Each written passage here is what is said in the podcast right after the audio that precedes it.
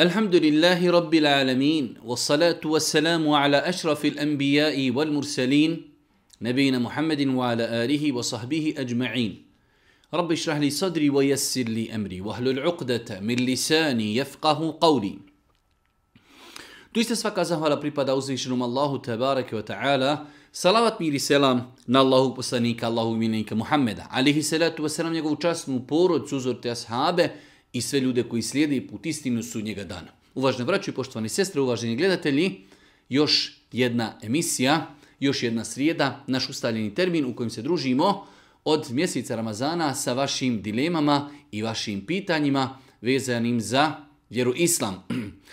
Kao što znate, mi pokušavamo kroz ove emisije da odgovorimo na pitanja koja dolaze na naš e-mail iako, rekli smo mnogo puta, doista, doista stotine pitanja stižu na naš e-mail i nemoguće je, nemoguće odgovoriti na sva pitanja. S aspekta mnošta pitanja, s druge strane, doista određena pitanja su i kompleksna i teška, tako da ne možemo se obavezati da ćemo svima odgovoriti na vaša pitanja. Danas, ako Bog da, Odgovaramo na 50 vaših pitanja u 23. emisiji, ako smo dobro mi brojali e, emisije. Ovo je večeras naša 23. emisija u kojoj od mjeseca Ramazana odgovaramo na vaša pitanja i vaše dileme, a u mjesecu Ramazanu smo također imali 10 emisija u kojima smo odgovarali na vaša pitanja. Prvo pitanje u večerašnjoj emisiji jeste da li je dozvoljeno curi? ići na ekskurziju u srednjoj školi u kojoj više ima ženskog osoblja nego muških, gimnazije u pitanju, jer smatram da je to jedan od bitnijih događaja u životu jedne osobi. Naime, postavlja se pitanje da li djevojke u srednjoj školi mogu da idu na ekskurziju zajedno sa svojim razredima. E, ovo pitanje Eh, iziskuje nekoliko stvari. Prva stvar, eh, vjerujem da kada je u pitanju aspekat islamski, eh, ogromna većina djevojaka koji su već nakon prvog srednjeg, drugi srednji, treći srednji, četvrti srednji, da su one prema islamskom računanju već punoljetne. Samim tim, ako kažemo da su punoljetne, na njih se odnose šerijatske odrednice, naredbe i zabrane. Ženi muslimanki je zabranjeno putovati bez mahrema, bez mahrema na udaljenosti putovanja. Tako da, znači ono što se smatra putovanjem više od 80 km, e, žena kada putuje, ako je punoljetna, treba da putuje sa svojim mahremom, a mahrem je muškarac kojim ona ne može trajno stupiti u brak. Tako da u ovom slučaju E, to što djevojka putuje sa svojim razrednikom ili razrednicom sa svojim razredom nije dovoljno da bi kazali da je dozvoljeno da putuje. Osim ako bi se radilo o nekim e, kraćim putovanjima da se ide u neko mjesto koje je udaljeno od mjesta stanovanja 20, 30, 40 km, u tom slučaju bi se moglo e, kazati da je to dozvoljeno. Opet, u svemu tome da nema noćavanja, da nema znači da se pokušaju izbjeći te neke šerijatske sporne stvari, iako na tim ekskurzijama ima i muzike, ima i duhana, ima e, i bespotrebnih kontakata između muškaraca i žena i tako dalje, ali znači generalno gledajući, ako su to u pitanju duža putovanja, onda tu se aspekta islama nije dozvoljeno zato što žena kada putuje na putovanje koji dalje od 80 km treba da ima na tom putovanju svoga mahrema. da li se može uzeti prilik, da li se može abdest uzeti preko kreme ili prirodnih ulja za tijelo? Znači, da li je dozvoljeno uzeti abdest preko ulja ili preko određenih krema? Kažu islamski učenjaci, Abdest je validan ako se radi o ulju ili kremi koja nema svoju masu. Dobro, mi kada koristimo određenu kremu ili kada koristimo određene ulje, ono ima svoju masnoću, ali ono nema, ono nema svoju masu, kao što primjer radi masu ima lak za nokte. Kada stavimo lak na nokte, voda od tog laka jer ima svoju masu ne može dolaziti do nokata, zbog toga nije ispravan abdest preko laka odnosno kada su u pitanju nalakirani nokti. Dok kada su u pitanju kreme i kada su u pitanju ulja, nije mi poznato da neke kreme ili neka ulja imaju svoju masu, ona imaju svoju masnoću. Zato ćemo mi kada budemo abdestini dodatno se samo malo potruditi da vodu, znači, hajde da kažemo, da protrljamo po tom mjestu gdje smo imali nanešeno ulje ili kremu, iako Bog da naš abdest je validan. Rezime odgovora je, inšalabizna, abdest je validan ako smo, znači, koristili koristili neko ulje ili neku kremu na mjestu gdje ćemo prati taj dio prilikom abdesta, ako Bog da, ako to nema nikakvu svoju masu koja sprečava dolazak vode do kože, abdest je ispravan. To što postoji masnoća, to ne sprečava dolazak vode do koži. Treće pitanje e, u vezi dove. Allahume innaka afuvun tuhibbul afe fa'fu anni i fa'fu anna. Šta je razlog, razlika? Nekada čujemo da neko uči Allahumma inneke afuvun, tuhibbul afa fa'fu anni, a neko kaže fa'fu anna. Ovo se vraća na gramatiku arapskog jezika, fa'fu anni, oprosti meni fa'fu anna, oprosti nama. Tako da i jedno i drugo je, i jedno i drugo je ispravno, i jedno i drugo ispravno, znači da čovjek kaže fa'fu anni, gospodaru oprosti meni, ili da kaže fa'fu anna, oprosti nama, radi se o dovi koji Boži poslanik ali se leto sram preporučio, a iši kada ga je pitala, Allahu poslanici kada bi znala kada je noć leletul kadar, koju dovu mi preporučuješ da učim, pa je Allah poslani kazao, uči dovu Allahumma innaka afuvun tuhibbu afe fa'fu anni, eh, ili možemo slobodno kazati fa'fu anna, oprosti nama. Četvrto pitanje, da li je u islamu dozvoljen lov i ribolov? Skoro da ne postoji knjiga islamskog prava u kojoj nema poglavlje posebno koji govori babu ili kitabu sajd, poglavlje lova. Tako da u islamu poglavlje lova je opće poznato i za lov se vezuju mnogi, ali baš mnogi propisi. Generalno gledajući, pošto ovdje je postavljen samo propis da li u islamu dozvoljen lov i ribolov, islamski učenjaci kažu lov generalno je dopušten ako čovjek lovi iz potrebe i ako će ono što ulovi pojesti ili nekome udijeliti, znači okoristiti se onim što je ulovio. Znači lov generalno gledajući bez odrednica, kako loviti, čime loviti, šta je halal uloviti, šta je haram i tako dalje. To su poglavlja gdje bi nam trebalo nekoliko sata da detaljno obradimo ta pitanja. Generalno pitanje da li islam odobrava lov? Da, islam odobrava i lov i ribolov ako je u pitanju potreba da čovjek lovi zato što ima potrebu i što će koristiti i okoristiti se onim što je u loviju. Za razliku ako bi to čovjek radio, e, kao što kažu islamski učenjaci, e, iz neke dosade, samo zato kao neki hobi, ne zna šta će sam od sebe, ne iz niti će koristiti ono što ulovi, tada bi to bio mekruh pokuđena stvar. Tako su kazali islamski učenjaci. Moj savjet svima onima koji se bave lovom, pogotovo kada u pitanju lov ribolov, pošto e, riba u islamu na bilo koji način da se uhvati ona je halal, za razliku od lova, znači gdje je veoma bitno da onaj ko se bavi lovom, ako koristi pse, da zna propise e, vezane za korištenje e, pasa prilikom lova, e, prilikom ubijanja, prilikom ranjavanja, koje životinje su dozvoljene, koje životinje nisu i tako dalje. Doista dosta pitanja koja bi trebao da poznaje onaj insan koji se bavi lovom kako bi njegova lovina bila dozvoljena i halal. Zanima me na koji način zikriti nakon namaza u džematu. Poznato mi je da zajednički zikr nije postoji u vrijeme Božih poslanika. Ja lično ostanem u džamiji, zikrim i tako dalje. E, pitanje je da li nakon farza ostati zikriti na mjestu gdje smo klanjali ili krenuti kući pa zikriti putom. I jedna i druga opcija je ispravna. Svakako da čovjek kada sjedi nakon namaza, da je on više posvećen tom zikru, da, je, da se može više koncentrisati na ono što govori. Tako da insan ako ne žuri, svakako da je ljepši i bolje i prioritetniji nakon farz namaza da odsjedi na mjestu gdje je klanjao i da odzikri eh, one zikrove koji su zabilježeni Božih poslanika, ali se tu veselam. Ali ako se čovjeku žuri, E, nema nikakve smetnje da čovjek iziđe iz džamije, u autu vozi se na posao ili ide kući i da iskoristi to vrijeme i da prouči te iste zikrove. Definitivno da učenje zikra u džamiji je e, znači vrijednije, bolje, moći se čovjek više koncentrisati, ali jedna i druga stvar su ispravne. Možete li nam pojasniti neke moalime nas tjeraju da harf ara čitamo kao ra, a neke kao re. Šta je tu ispravno? Baš me to ponekada dekoncentriši, pa počela sam da miješam ra i re dok čitam Kur'an. Šta je tu ispravno? Definitivno da je ispravno, poslušajte sve ispravne i sve velike svjetske karije svijeta od kojih je Menšavi, Husari, Abdusamed Elbasit i svi drugi, znači pa ćete vidjeti kirajet kojeg mi učimo da se fetha na slovo r uči ra.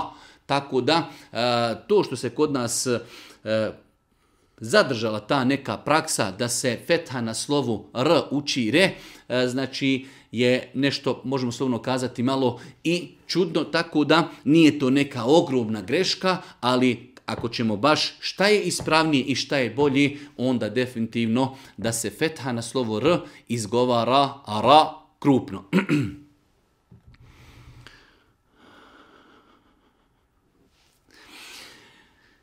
Duže vrijeme sam u potrazi za odgovorom. Kako postupiti kada je šerijetsko, e, koje je šerijetsko rješenje kada se insan zadesi u izvršavanju velike ili male nužde ukoliko je namasko vrijeme na kraju izmaka?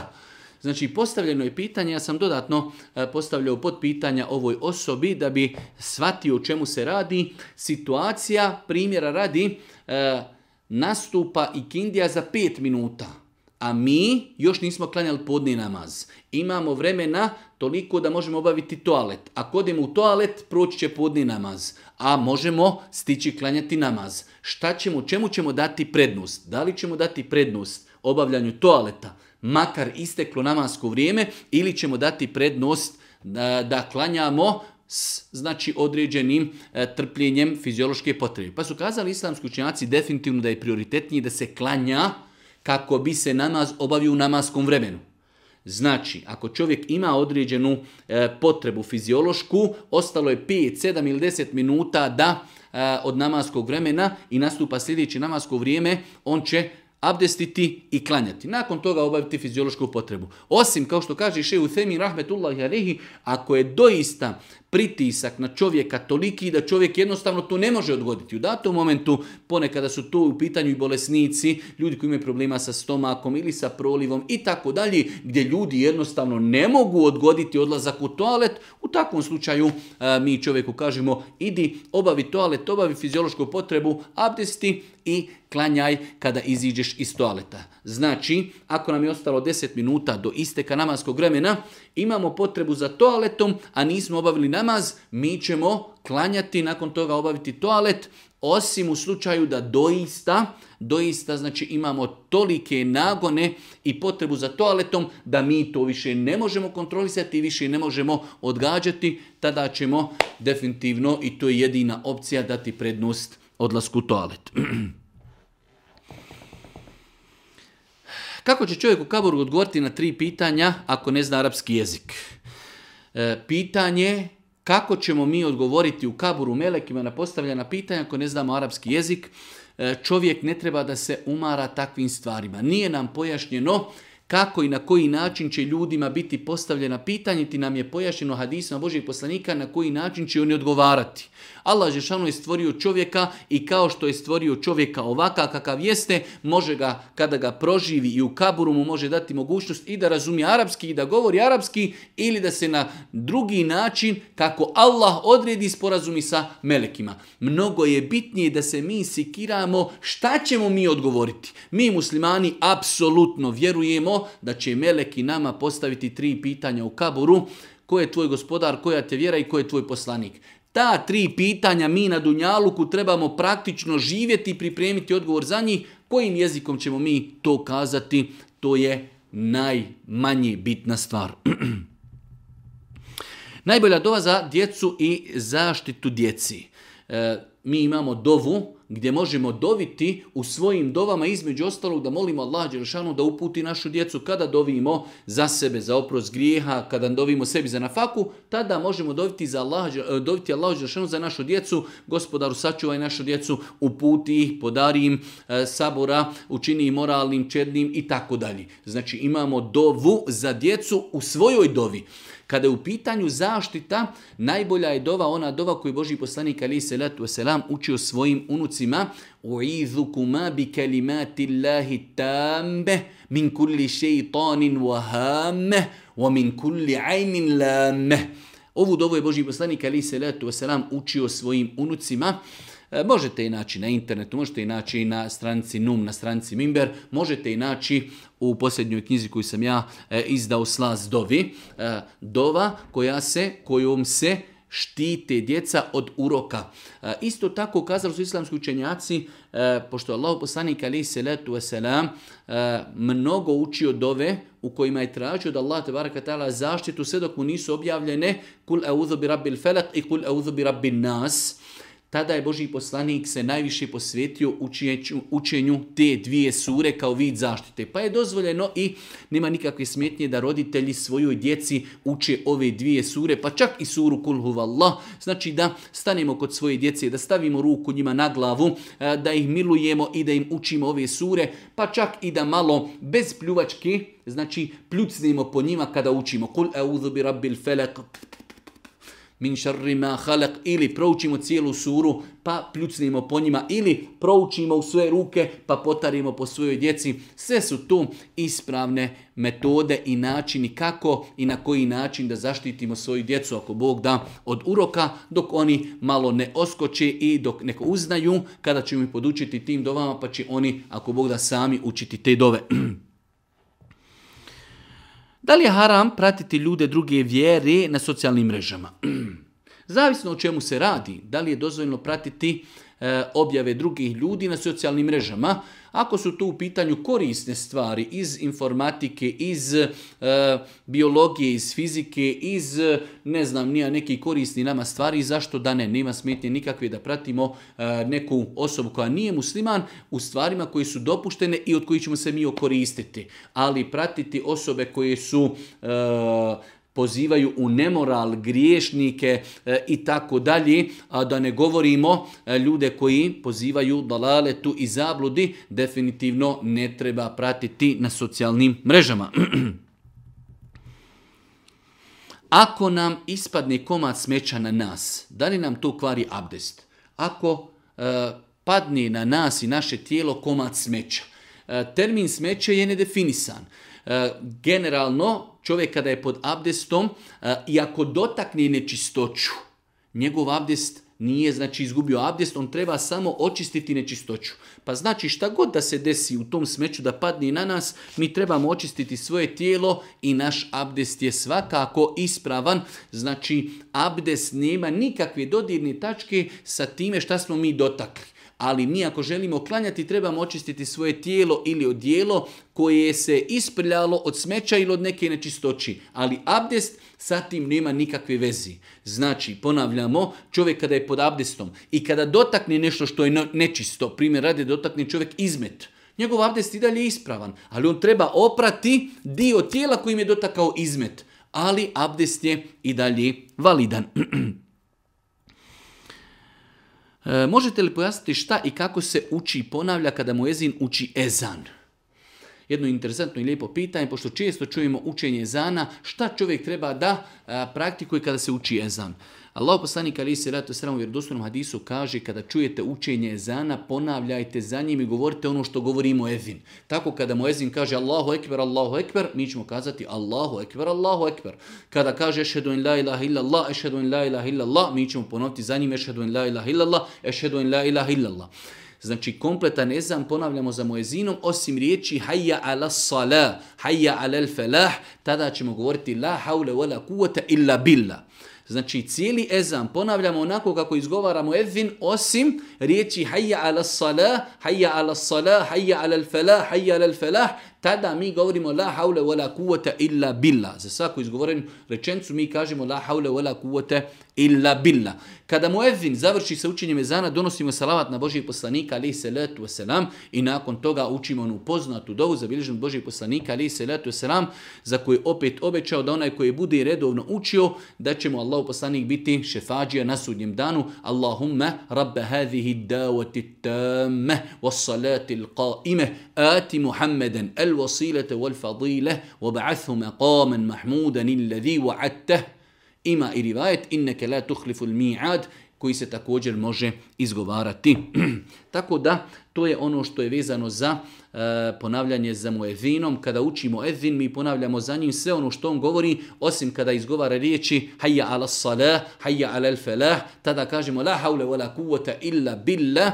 Kada završi donijećemo salavat na Božijeg poslanika ali se letu selam nakon toga proučiti spomenutu prethodno citiranu dovu. Da li se potiri lice nakon proučene dove i da li je to novotarija? E, u pogledu toga hadis, postoje hadisi u kojima se spominje e, da je pohvalno i lijepo nakon dove potrati rukama lice. U pogledu tih hadisa učenjaci imaju različite stavove, shodno tome i ne možemo kazati za to dijelo da je novotarija. Ako neko smatra da su ti hadisi hasen i dobri, i ako praktikuje da poslije dove potire lice, on inša Allah praktikuje to zato što vidim da je to sunnet. Velik broj učenjaka je smatrao da su ti hadisi daif i nije radio po tim hadisima, ali isto tako određen broj učenjaka od kojih je i E, Hafiz ibn Hajar i još neki učenjaci smatrali su e, i sam bin Baz Rahmetullahi alejhi kada odgovara o tom pitanju kaže da je to jedno od pitanja u kojem ima fleksibilnosti tako da e, ljude ne treba mnogo opterećavati time ako neko smatra da hadisi o potiranju lica nakon dovi su daif on to neće ni praktikovati onaj ko smatra da su hadisi o tome hasen dobri on će to praktikovati iako Bog da što bi rekli mirna Bosna Da li postoji hadis u vezi učenja ajetul kursije posle uzimanja abdesta? I da li to uzdiže čovjeka 70 deređa kod Allaha? Znači, pitanje je da li se posle uzimanja abdesta uči ajetul kursi i da će nagrada tome biti, da će čovjek biti uzdignut 70 deređa. Ne postoji vjerodostojan hadis da se ajetul kursi uči nakon abdesta. Postoji hadis, ali taj hadis je batil lažni hadis u kojem stoji da osoba koja prouči ajetul kursi poslije e, abdesta će biti uzdignuta 40 deređa, ali E, taj hadis je baltil i ništava, nije ispravan. Imamo vjerodostojne dove da Allah poslani kazao ko nakon abdesta prouči dovu ešhedu en la ilaha illa Allah wahdehu la šerike leh wa ešhedu enne Muhammeden abduhu wa rasuluh. Lahka dova ešhedu la ilaha illa Allah wahdehu la šerike leh wa Muhammeden abduhu wa rasuluh tu dovu korektni poslije abdesta bit će im otvorena osmera vrata dženecka da uđe na koja god želi. Hadis je muslim, tako da nema potrebe da postupamo po lažnim i batil neispravnim hadisima. Imamo vjerodostojne hadise e, o dovama e, koji se uče nakon e, abdesta, a možemo dodati na onu spomenutu dovu i još ostale dove koje su zabilježene od Božih poslanika alihi salatu wasalam.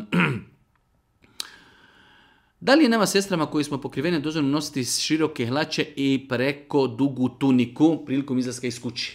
Islamski učenjaci spomenuli su 7 ili 8 uvjeta da bi e, odjeća koju žena nosi prilikom izlaska kuće bila validna i ispravna, e, jedna, jedan od tih uvjeta jeste da ta odjeća bude široka i da ne oslikava, ne oslikava e, znači tijelo ženi, ženino tijelo. E, ako žena nosi hlače ili nosi suknja hlače, definitivno to oslikava ženino tijelo, tako da su islamski učenjaci spomenuli da ženama prilikom izlaska iz kuće nije dozvoljeno da nose hlače niti suknja hlače, bez obzira koliko bile široke mogu to nositi u svojoj kući kako bi se e, dotjerale, srijedile, uljepšale svojim muževima, ali prilikom izlaska iz kuće žena minimalno što treba da nosi jeste suknja preko te suknje negdje do koljena da nosi tuniku, a još bolje od svega toga jeste da nosi jednodnjeni mantil ili takozvani džilbab. Ali žena koja e, iz određenih razloga ne može da nosi džilbab, treba da nosi suknju i treba da nosi dugu košulju koja dolazi, koja dolazi do koljena. Čula sam da ako ostane hrane u ustima, znači iza zuba, da to kvari abdest i da kvari namaz i post. E, kada u pitanju abdest nije tačno. Znači nemoguće, mi možemo biti pod abdestom i pojest porciju ćevapa, to neće pokvariti po, e, abdesta kamoli da pojedemo nešto što nam je ostalo za zubima. Znači, ako imamo abdest i progutali smo nešto što je bilo znači iza zubima, iščečkali smo nešto e, znači između zuba, to ako pojedimo, to ne kvari abdest možemo pojesti pitu, možemo pojesti ćevape, jelo ne kvari abdest. Osim po mišljenju islamskog učenjaka da devino meso kvari abdest. Kada u pitanju namaz i post islamski učenjaci kazali ako se radi o toliko sitnim dijelovima hrane da je se ta hrana eh, jednostavno sjedinila sa pljuvačkom, pa i više vi ne možemo kontrolisati, progutamo to zajedno sa pljuvačkom, onda je i naš i abdest i naš, eh, i naš namaz i naš post ispravni. Znači, kad je u pitanju abdest, nemamo problema. Kad je u pitanju namaz i post, za osobu koja između zuba nađe neke ostatke hrani, ako je to toliko sitno da se to sjedinilo sa pljuvačkom, mi smo to progutali, nismo se mogli kontrolisati, naš Namaz naš pust je validan. Za razliku ako bi našli e, doista ostatke hrane koje mi možemo znači, opipati svojom rukom i možemo kontrolisati, onda takve ostatke hrane treba ispljunuti kako ne bi dovodili u pitanje svoj namaz ili svoj post. Pitanje, ja i muž smo dvije godine u braku i tako dalje. E, muž ne klanja, žena klanja, pa je pitanje kako i na koji način motivisati čovjeka. E, on jednostavno ne želi da žena na njega vrši određen pritisak, on će to početi kada on bude spreman za to. U svakom slučaju, to je jedna e, klasična problematika našeg podneblja, kao i sa svakom drugom osobom, ne treba previše vršiti na ljude pritisak do te mjere da ne daj Bože ih ne odaljimo od namaza, ali na lijep način. Poklonuti knjigu E, koja govori, pokloniti knjigu koja govori o vrijednosti namaza, e, ličnom praksom, e, pa i podsticanjem s vremena na vrijeme, pozivom, hajde zajedno da idemo u džamiju, na jaciju, namaz, hajmo na akša i tako dalje. Znači sve su to neke metode i načini kako čovjek na najljepši način da nekoga znači pozove na namaz da mu poklonimo knjigu koja govori o namazu, da mu na lijep način citiramo hadise koji govori o vrijednosti namaza, pa i da mu kažemo e, i citiramo hadise koji govori o opasnosti ostavljanja namaza, e, da ga pozovemo da zajedno klanjamo, da idemo zajedno u džamiju, da prošitamo na neki od namaza do džamije, da zajedno klanjamo. Sve su to načini i metode kako ako Bog da ćemo e, dostaviti i e, podstaknuti našeg supružnika na namaz.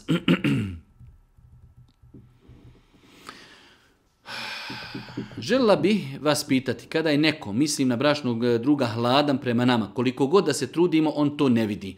Pitanje, znači jedno malo duže pitanje, e, kada je jedan od supružnika e, emotivan za razliku od drugog koji je jednostavno hladan i ništa ga ne interesuje. Šta u takvoj situaciji rati? Nema tu sad neka e, čarobni štapi šta možemo raditi? Možemo se truditi, možemo pokušavati, možemo pokušavati da utječemo na tu osobu bez obzira i na kraju ostaje nam da saburamo, da se strpimo, da jednostavno pokušamo kroz različite metode i načine da e, približimo tu osobu sebi e, iznošenjem emocija, druženjem, šetnjom, poklonom i tako dalje. To je ono što insan može. Jednostavno imate osobe i to je jedan veliki problem e, kada u braku žive dvije potpuno različite osobe. Jedna od njih je emotivna, s druge strane druga je apsolutno hladna, ništa je ne interesuje. Pa znači takve osobe eh, i ova koja je mnogo emotivna treba da malo hajde da kažemo, potegne ručnu, ali isto tako i ta druga eh, osoba koja je nezainteresovana, hladna, ništa i ne interesuje, treba malo da se potrudi da udovolji toj svojoj, eh, znači, drugoj strani, supružniku, pa nekada malo i nasilu, nekada malo i, i istinski, ali jednostavno takav je brak, privikavanje supružnika jedno drugome. Kada se djeci počinju brojati grijesi? E, rekli smo e, dosta puta kroz naša predavanja od ljepota islama jeste i to da se u islamu grijesi počinju pisati od punoljetstva. Dijete sve dok nije punoljetno prema islamskom načinu odrođenja punoljetstva, e, djetetu se pišu dobra djela, se vapi koji uradi, ali mu se ne pišu grijesi. Onog momenta kada dijete postane punoljetno, na njega se odnosi sve šerijatske odrednice, naredbe i zabrane. Tako da dijete dok je maloljetno privikavamo ga postu, namazu e, i tako dalje, učenju Kur'ana. Za razliku kada postane punoljetno namaz mu postaje obaveza, djevojčici postaje hijab, obaveza trebaju da posti, trebaju da obavljaju namaz i tako dalje. Znači, e, grijesi se djetetu počinju pisati od momenta kada postane punoljetno, prema islamskom načinu određivanja punoljetstva. Pitanje za zekijat. Naime, moj muž i moj djever šalju svakog mjeseca redovno simboličnu sumu novca njihovom ocu i majci. Tako ih pomažu koliko toliko. Tako radi e, mnogo godina unazad, otkad živi u inostranstvu. Da li su i pored toga dužni davati zekijat ili se to može računati kao zekijat, pošto ste rekli da može da se zekija daje roditeljima, ali mora i tako dalje. E, ovdje imamo dva pitanja i ciljano želim da ovo pojasnim. Nikada u životu nisam rekao da se zekijat može dati roditeljima. Ne može se roditeljima dati zekijat i možemo poštati naše emisije u kojima smo govorili u Ramazanu gdje se dosta puta postavljalo pitanje e, da li možemo dati e, znači zekijat roditeljima ili roditelji svojoj djeci pa smo rekli ne može se zekijat davati uzlaznoj lozi, a uzlazna loza je naš roditelj i naš djed, niti silaznoj e, lozi ne može roditelj davati tu svome zekijat. Tako da je, ako imamo dva sina koji iz inostranstva šalju, šalju novac svojim roditeljima, taj dio novca se ne može uračunati u zekijat.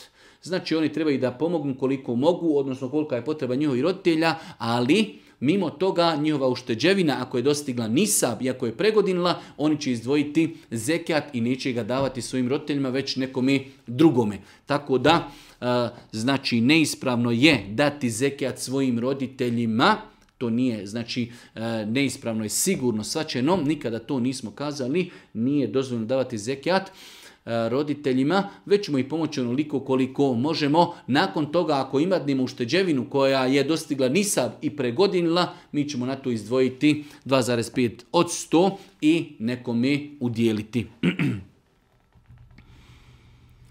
Drugo pitanje, imam priliku posjetiti roditelje samo jednom godišnji. kada odem na godišnji odmor u moj rodni kraj na tri nedjelje.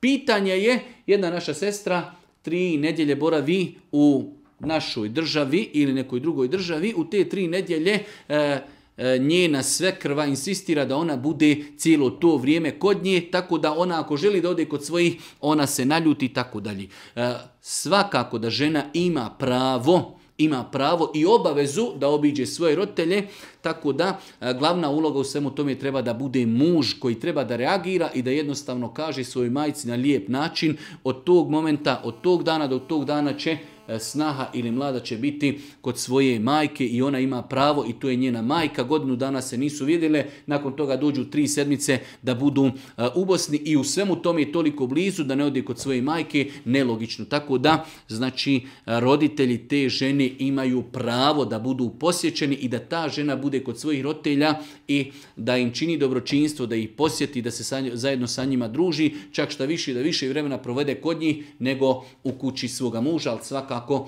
i da bude u kući svoga muža, ali je prioritetnije i znači na većem stepenu pohvalnost je da bude kod svojih roditelja, da ih obiđe, da im čini dobročinstvo, a to ne isključuje i da posjeti i roditelje svoga muža.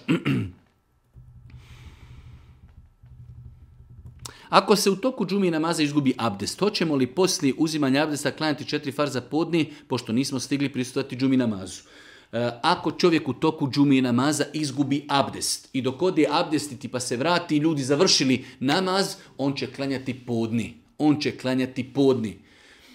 Ako bi uspio da se vrati pa makar na jedan rekiat, znači džuma ima dva rekiata, ako bi stigao E, imama prije nego što imam krene na ruku i stigne ga na ruku, njemu se broji da je stigao taj drugi rekat, nakon što imam preda selam, on će ustati na drugi rekat. Generalno, znači pravilo, ako se desi čovjeku da izgubi abdest u toku džumi, on će ustati, otići obnoviti abdest. Ako ljudi u međuvremenu klanjaju džumu, on će klanjati nakon toga podni.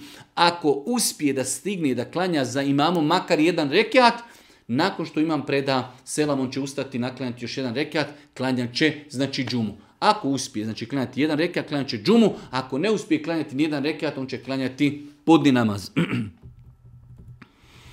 Da li smo griješni ako okačimo slike u kojima imamo ajete Kur'ana, kao na primjer ajetul kursi? E, da li je dozvoljeno da čovjek na zidovima postavlja levhe na kojima imaju kuranski ajeti? U svakom slučaju islamski učinjaci su to smatrali pokuđenim. Ako bi neko ju uradio, nećemo kazati za to da je haram, ali je to definitivno bolje, ali je to definitivno bolje izbjegavati, pogotovo u našem podneblju gdje se za sve nešto što ima vezu sa vjerom vezuju neka pogrešna ubjeđenja kao vid talismana, kao neki vid Hamajlije, ako imamo ovu levhu u kući, e, to će nam čuvati kuću, neće ulaziti šetan, to, to nas čuva od sihra, od uroka i tako dalje, što je neispravno.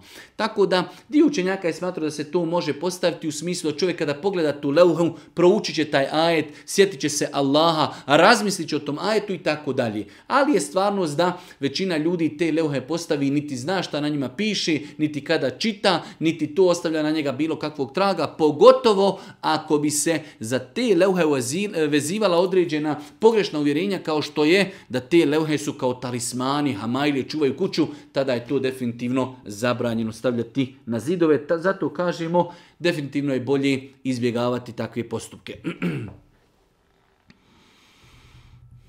Naime, imam jedan mali format Kur'ana, veličine šaki i tako dalje. Šta uraditi sa takvim formatom? E, ako je to format veličini pesnici ruke iz kojih se može normalno učiti, imamo pravo da taj format Kur'ana ostavimo, da ga čuvamo, da ga nosimo sasvom, da iz njega učimo, da ga nekom je poklonimo. Ali ako se to radi u nekom malom formatu gdje iz kojih se ne može učiti, koji više liči malo na neku hamailiju, eh, tada takav eh, Kur'an Allah najbolje zna, ne treba nikom je poklanjati, kako se, e, ne daj Bože, ne bi to zloupotrijebilo, a isto tako najbolje je takvu stvar uništiti, kako ne daj Bože uništiti, e, znači e, zapaliti vatrom, kako ne daj Bože to neko ne bi pogrešno ili protumačio ili kako neko ne bi pogrešno to koristio. Znači ako se radi o mushafu, manjeg formata iz kojeg možemo učiti Kur'an, svakako to možemo nositi u džepu, u torbici, kada smo u autobusu, kada negdje putujemo i tako dalje, pa čak i u kući možemo otvoriti i učiti isto Kur'ana. Ali ako su to mali formati Kur'ana iz kojih se ne vidi, znači ajeti, ne, može se razaznati e, koji su harfovi, koji ajeti, onda takve, formate Kur'ana je najbolje, najbolje znači zapaliti. Dva pitanja vezana za snove. Da li je dozvoljeno i kako pitati da nam se tumači snovi i da li je dozvoljeno vjerovati tumačima snova? E, dozvoljeno je tražiti da se tumači snovi od osoba za koje znamo da su kompetentne. Znači, pitanje da li se snovi mogu tumačiti, nekom je kaziva da nam tumači, tražiti od nekog da nam tumači snove, definitivno. Nema smetnje da se traži tumačenje snova od osobe koja je poznata da je kompetentna da tumači snove. Da li takvoj osobi vjerovati? Ako je osoba kompetentna, nema smetnje da se vjeruje, da se znači prihvati ono što je ona kazala, ali e, da li će se to desiti, kada će se desiti, to samo uzvišenje, Allah subhanahu ta'ala zna, ali da li je dozvoljeno vjerovati onome ko tumači snove, dozvoljeno je.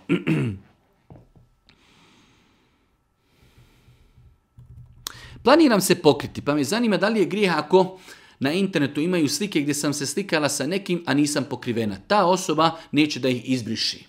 E, to su ti takozvani repovi džahilijeta insan u periodu kada je bio nepokoran Allahu uradi određene grijehe, pa ti grijesi ostave traga i nakon što se on vrati Allahu kao osoba koja se tetovira. Insan se tetovira dok je mlad, dok ne razmišlja, poslije se i vrati se Allahu, ali tetovaža ostaje i kada svaki put ga ljudi vidi, znači razmišljaju o njemu i njegovoj tetovaži. Takav je i problem naših sestara koje imaju slike na kojima su bile otkrivene, slikale se, objavljivale te slike, nakon toga se pokriju, ali te slike se mogu naći na internetu, pa čak neko i namjerno ne želi da uklonite slike. Ono što insan može jeste da kontaktira te osobe i da insistira od njih da traži da se te slike unište i da se uklinu. Ako neko ne želi da to uklini, ne možemo mi znači urati ništa osim da ga nazovemo, da ga zamolimo i da insistiramo da tu e, znači ukloni. Ako ukloni dobro jest, ako ne ukloni naša e, obaveza ono što smo mogli urati je ispunjena. Eh, bitni od svega toga jeste da se osoba znači pokrije i da nastavi živjeti znači eh, eh, kroz smjernice uzvišnog Allah subhanahu wa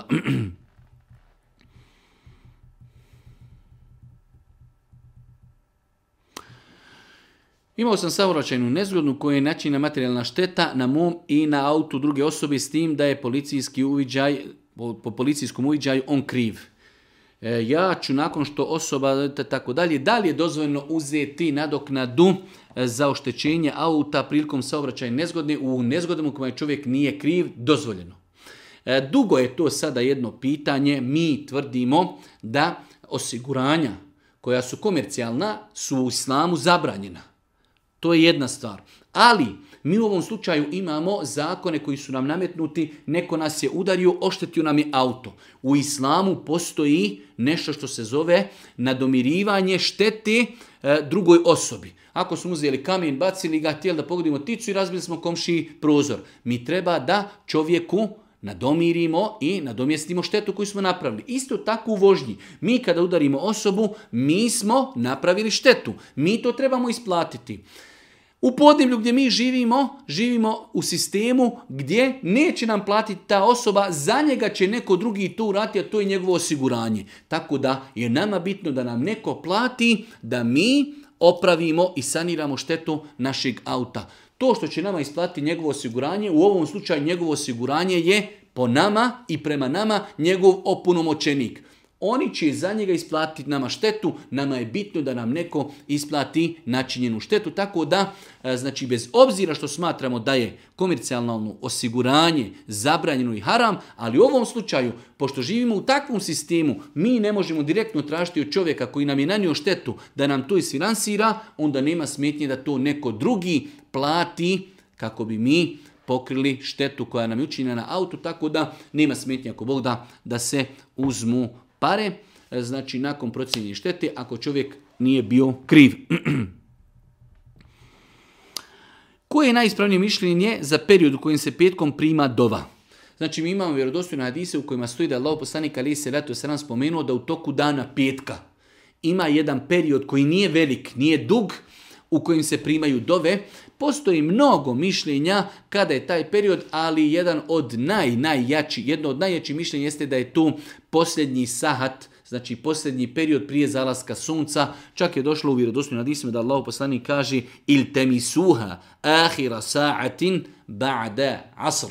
E, tražite taj moment u zadnjem momentu, u zadnjem periodu, u zadnjim satima, u zadnjem času, nakon ikindije namaza. Tako da Allah najbolje zna jedno od najjačih mišljenja, iako postoji druga mišljenja, znači petkom, petkom je lijepo i pohvalno čovjek što više dovi, ne bili potrefiju taj moment kada se dove primaju.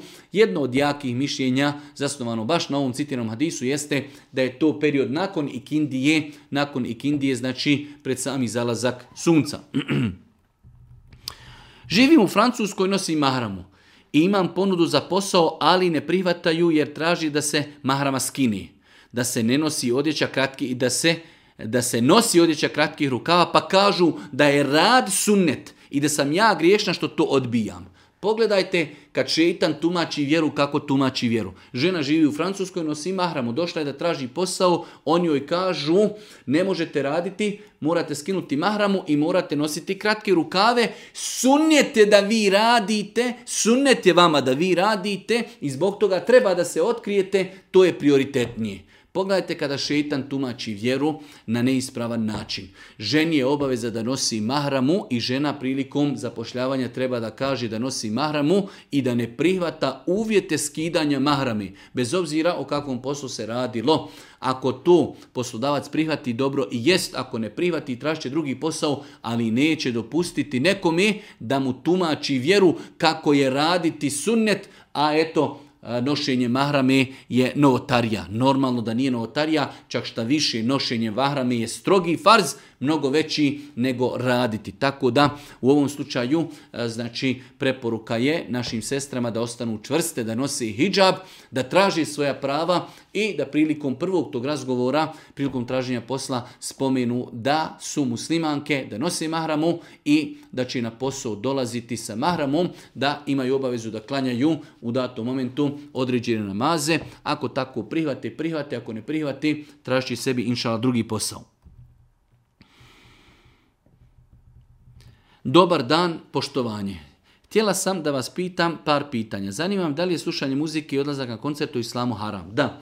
Po stavu četiri islamski pravni škole, četiri mezheba, još od 1200 godina, kada su najsavremeniji muzički instrumenti bile neke frule i trube i neki bubnjevi i neke možda, možda neke, možda neke, e, ne možemo reći gitare, već tambure, neke to su islamski učenjaci smatrali haram, da ne govorimo o savremenoj muzici u koju ne smijemo sumljati da je zabranjeno. Odlaziti na mjesta gdje se pjeva uz muziku gdje se miješaju muškarci, žene gdje vrište, gdje su žene otkrivene, gdje se znači ljudi alkoholiziraju, apsolutno je prema islamu zabranjen. Znači odlazak na koncerte s muzikom je prema islamu zabranjen. Zanima me da li je Kur'an pisan poslije Muhammeda a.s. Definitivno jeste, s tim e, velik broj ljudi ne zna. Razlika je e, što je E, posljednja objava prije Mohameda Ali selam Inđil, Biblija koja je objavljena Isusu, zapisivana je e, ako se dobro sjećam i nekoliko stotina godina nakon njegove smrti za razliku od Božih poslanika ali se veselam kada mu je dolazila objava pisari su pisali sve što je objavljeno Božim poslaniku ali se veselam i ljudi su znali Kur'an na pamet.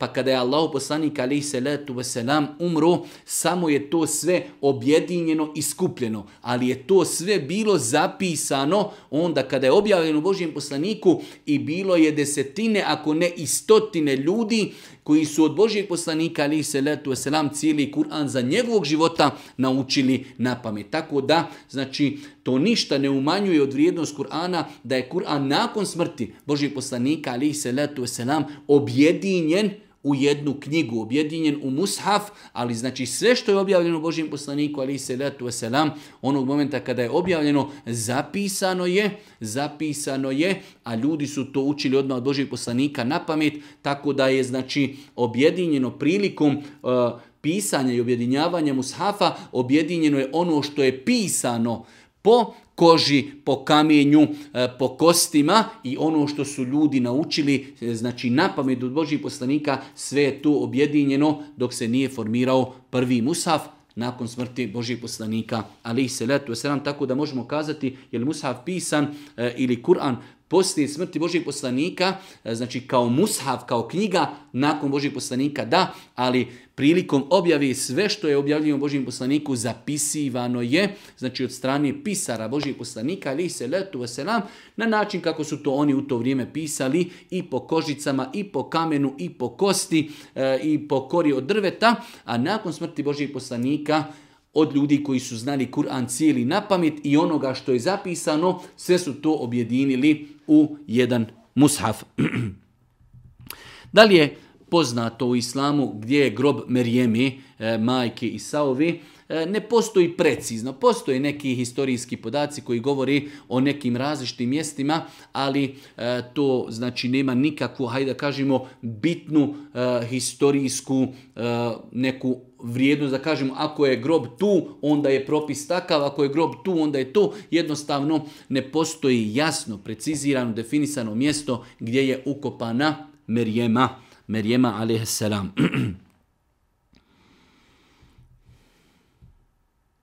Jedno pitanje Davno sam od prijateljci čula da kada ustajemo na večer, što bi naš narod rekao u gluha doba noći, kao možemo stati na šetanovu djecu, što njih naljuti te nam poslije toga dolazi ružni snovi.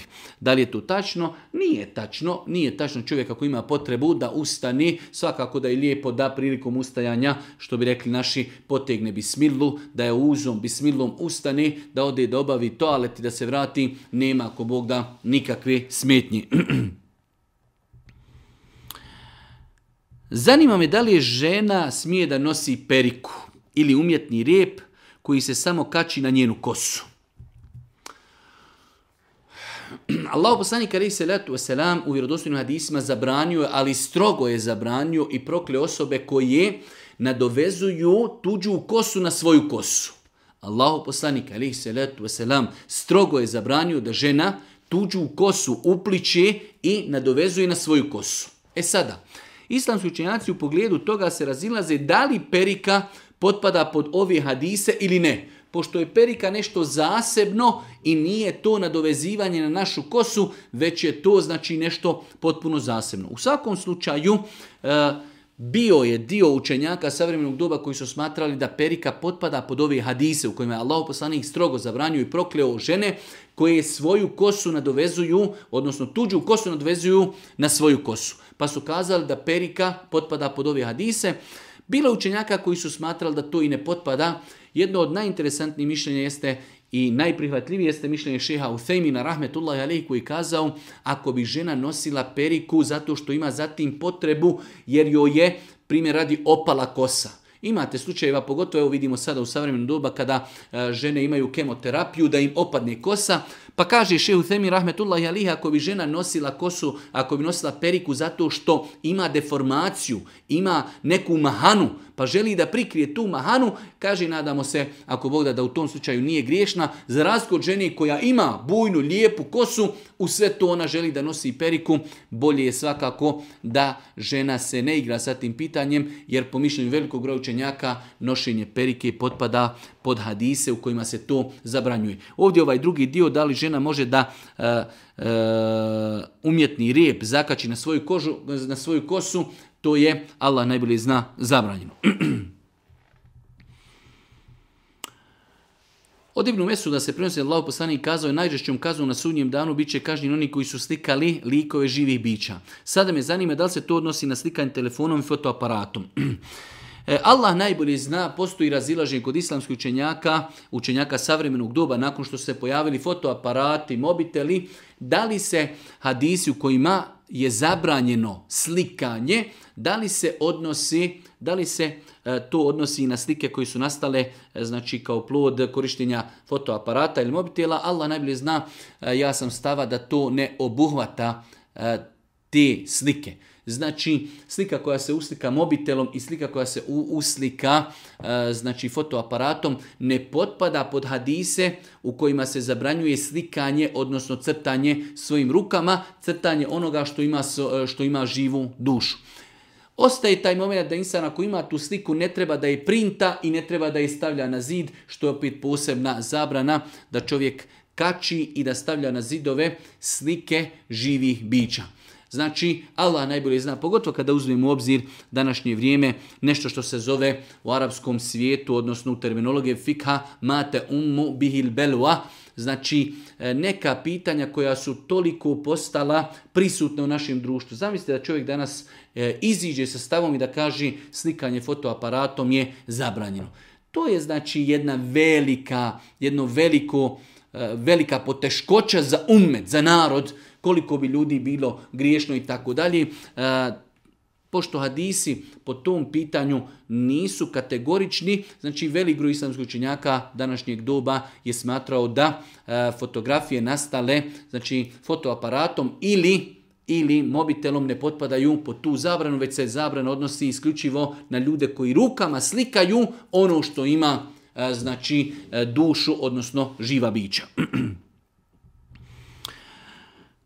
Da li je tačno da po islamu nije dozvoljeno jedan dio glavi brijati, a drugi ne? Da.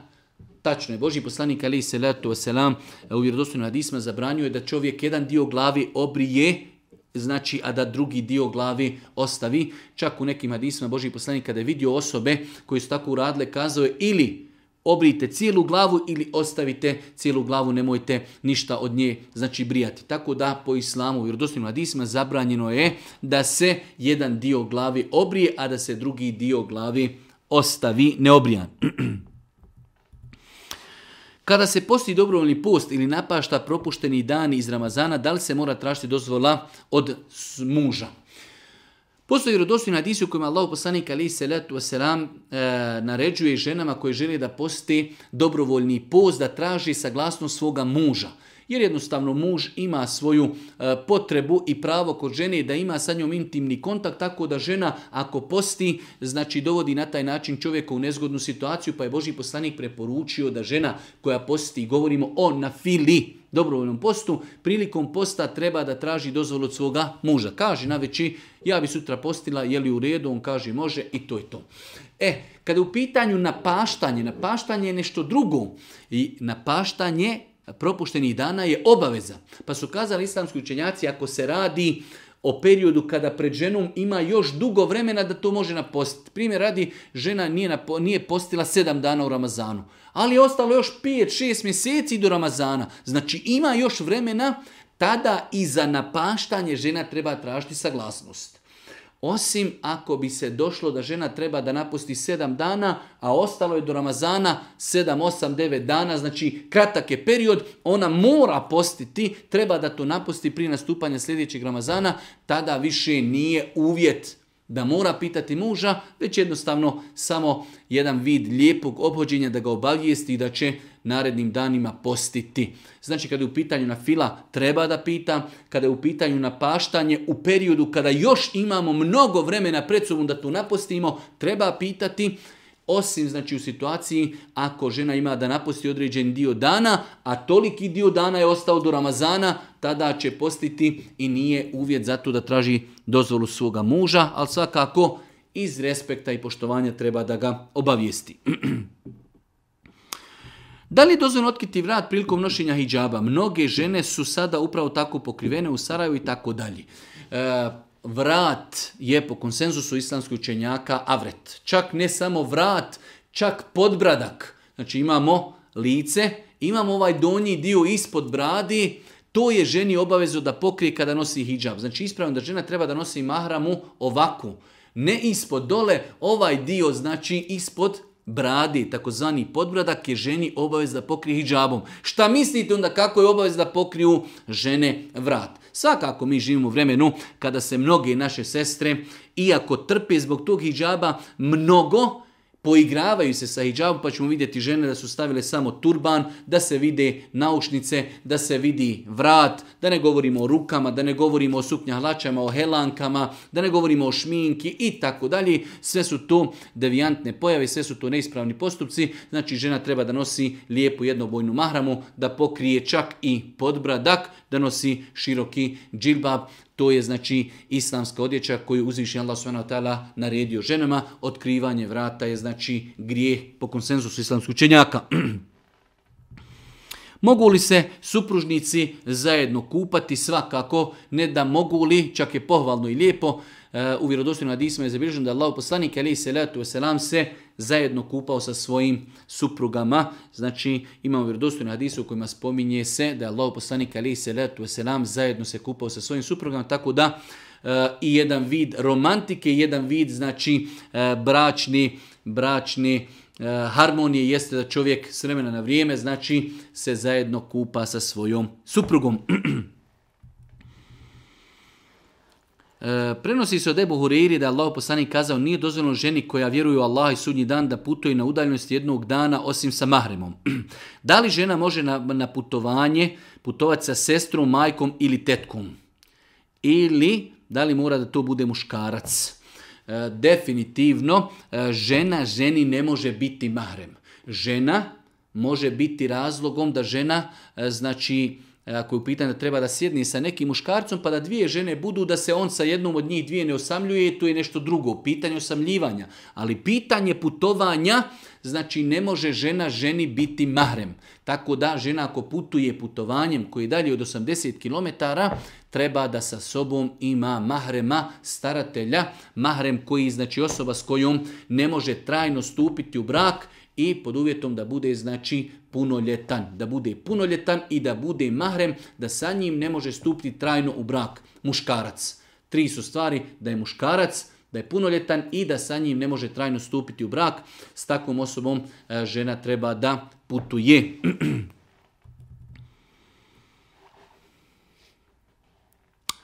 Pitanje Može li se doviti zbog mnoštvo grijeha i nepravde koju vidimo na planeti, može li se doviti da što prije nastupi sudnji dan? E, jedno malo interesantno i čudno pitanje. E, Allah subhanahu jedini je poznavaoc kada će nastupiti sudnji dan, tako da, kažu islamski učenjaci, la jem ne doliči, nema potrebe da čovjek dovi Allahu te barko da ubrza sudnji dan. Allah subhanahu ta'ala je odredio kad će biti sudnji dan i naše ga dove ne mogu ni pomaketi naprijed ni nazad. Tako da nema potrebe da čovjek dovi takvim dovama. Čovjek treba da dovi Allahu te da ga učvrsti i treba da dovi Allahu te da mu podari lijepu završnicu na dunjalku, da mu podari da razumije istinu, da slijedi istinu, da razumije šta je neistina i batil i da ostavi batil i neistinu, a ne da se okupira time da dovi Allahu te ve da požuruje sa sudnjim danom. Jel dozvoljeno jesti e, hranu koju ima alkohola kao što su neki slatkiši, bomboni i tako dalje? Kažu islamski učenjaci da ako se radi o maloj količini koja u većini slučajeva ispari prilikom prilikom pripreme tih slatkiša, a s druge strane e, svojstvo e, opojnosti je se izgubilo tako da čovjek kada bi konzumirao velik broj tih proizvoda ne bi osjetio nikakav uticaj alkohola, nema smetnje da se konzumiraju takvi slatkiši. Ja znam da je nekim ljudima, čak su mene na društvenim mrežama prozivali zbog toga, eto dozvolio si ovo, dozvolio si ono, dozvolio si i da se jedu slatkiši u kojima ima alkohola. Nije to moj stav, znači trudim se da nikada u životu ne iziđem i ne odgovorim sa nekim pitanjem, a da to nije stav od nekog velikog učenjaka ummeta, E, znači, savremeni učenjaci e, koji su bili e, znači iskušani da su im postavljena ovakva pitanja, odgovorili su na način da ako se u određenim proizvodima nalazi mala količina alkohola do te mjeri da mi kada bi konzumirali taj proizvod u velikim količinama ne bi osjetili eh, uticaj alkohola, dozvoljeno konzumirati takvi eh, proizvode. Onaj ko ne želi da konzumira, to je njegovo pravo. Nama muslimanima nije dozvoljeno da mi stavljamo alkohol u proizvode. Znači imamo nekoliko stvari. Alkohol sam, čist alkohol, kap je haram. Mi muslimani kada pravimo slatkiše ne smijemo stavljati alkohol. Ali ako je neko već proizveo slatkiš u kojeg je stavio 0,001% alkohola, da li mi muslimani imamo pravo da to konzumiramo? Nama je alkohol zabranjen zbog opojnosti. U ovom slučaju to nije čisti alkohol koji u većini slučajeva se ispari kroz proizvodnju i njegov znači uticaj se apsolutno izgubio, pa su kazali učenjaci da je dozvoljeno konzumirati takvi slatkiše. E, osobe koji se bavi futbalom, često se dešava da imamo majice nekih kluba koji imaju krstove. Da li je dozvoljeno nositi odjeću na koju ima krst? kaže islamski učenjaci da nije dozvoljeno nositi odjeću na kojoj ima jasno naslikan krst. Imate nekada određene stvari, znači da su to neke kockice, pa bi se to nekad moglo i tumačiti da su to možda neki plusevi ili neki križevi i tako dalje. Ali ako je to doista, znači nešto jasno da je to simbol nečega i da je to križ, znači kažu islamski učenjaci da nije dozvoljeno nositi odjeću na kojoj ima jasno naslikan e, znači križ. da li se smijem kupati pred akšam? Nana me podučila, to ne smijem raditi i tako dalje. Nema nikakve smetnje da se čovjek tušira, da se kupa, bez obzira o kakvom kupanju se radilo, prije akšama, poslije akšama, poslije Kindije, prije Kindije, ne postoji vrijeme u kojem je čovjeku zabranjeno da se kupa. Tako da, znači, to što smo naučili od naših, znači, eh, pradjedova i naših nana, eh, treba njih hajde da kažemo, respektovati, poštovati, oni su prenosili ono što su čuli, što su znali, ali to nema nikakvog utemeljenja u islamu. Šta znači kada osoba preseli pred Kurban, Kurban Bajram? Nije mi poznato da postoji određena posebnost za osobu koja preseli u noći Kurban Bajrama. Ne znam da postoji neki argument da se kaže e onaj ko preseli u noći u oči kurbana imat će neku posebnu nagradu. Tako da umrijeti prije Bajrama, poslije Bajrama, u toku Bajrama ne znam da ima neku posebnost. Imam jedan zdravstveni problem, preporučujem da od strane doktora nanosim svinsku mast na bolno mjesto. Da li se može koristiti svinska mast e, u vanjsku upotrebu? Znači svinja, svinjetina, svaki dio svinskog eh, znači mesa ili eh, masti, bilo šta što je vezano za svinju, muslimanima je zabranjeno konzumirati. Konzumiranje gdje ćemo mi kroz usta jesti i pojesti. Da li je dozvoljeno neke dijelove kao što je, znači ovdje postavljeno eh, svinjska mast da se koristi kao vid obloge na znači vanjskim korištenjem islamski učenjaci su spomenuli da je nama svinjetina zabranjena za jesti. Nije sporno da čovjek znači koristi određene kreme u kojima ima svinske e, masti, osim što treba paziti da čovjek, znači da li odjeća, da li tijelo gdje se nanese ili krema ili svinska mast, treba je prije namaza oprati i nakon toga uzeti abdest jer je znači svinska mast je nečista. Apsolutno, svinska mast je nečista, krema u kojoj ima nije nečista, tako da čovjek treba da i namaži između namaza od sabaha da namaže do podni. Nakon toga će to dobro oprati, ako eventualno dotaklo e, odjeću, zamijenit će odjeću ili će oprati odjeću, ali korištenje kremi ili svinske masti, e, znači u obloge je dozvoljeno s tim što je to nečistoća i treba, treba to oprati prije uzimanja abdesta. 49. predzadnju, predzadnje pitanje, imam jedno pitanje djevojke koje idu u medresu i koje uče o islamu. Da li one trebaju ići u medresu u danima kada imaju mjesečnicu? Nema nikakve vezi e, mjesečnica i učenje o islamu.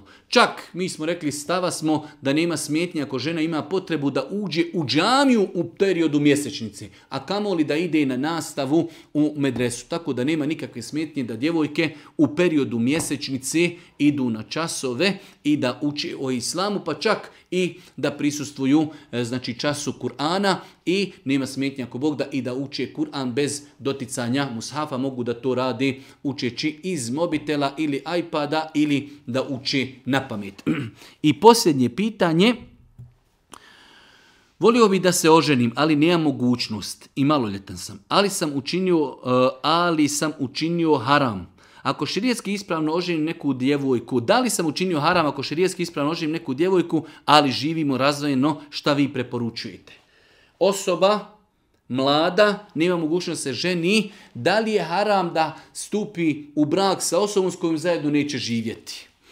E, nema smetnji po islamu i prema islamu da čovjek oženi osobu, da sve bude javno, da njezni roditelji e, znači, znaju za njega, da njegovi roditelji znaju da se oni vjenčaju, da imaju svjedoke, da imaju mehr i onda da se njih dvoje dogovori da kažu mi u datom momentu zbog određene situacije i uvjeta mi ćemo živjeti zajedno to je ispravno šerijetski, a ja to ne preporučujem. Znači, preporučujem da čovjek osaburi, da se strpi dok onog momenta, dok mogne da dne uvjete pa da živi zajedno sa svojom suprugom. Znači, s aspekta Islama, da se insan oženi brakom u kojem će ispunjeni biti svi uvjeti braka, nakon toga se dogodi da njegova supruga boravi kod svojih roditelja, on boravi kod svojih, to je ispravno ali ja to ne preporučujem zbog mnoštva problema koji mogu nastati u takvim situacijama. Preporučujem strpljenje i sabor do momenta dok čovjek ima dne mogućnost da se oženi i da živi sa svojom suprugom. Allah subhanahu wa ta'ala molim da nas učinu na putu istine, da nam podari korisno znanje i na kraju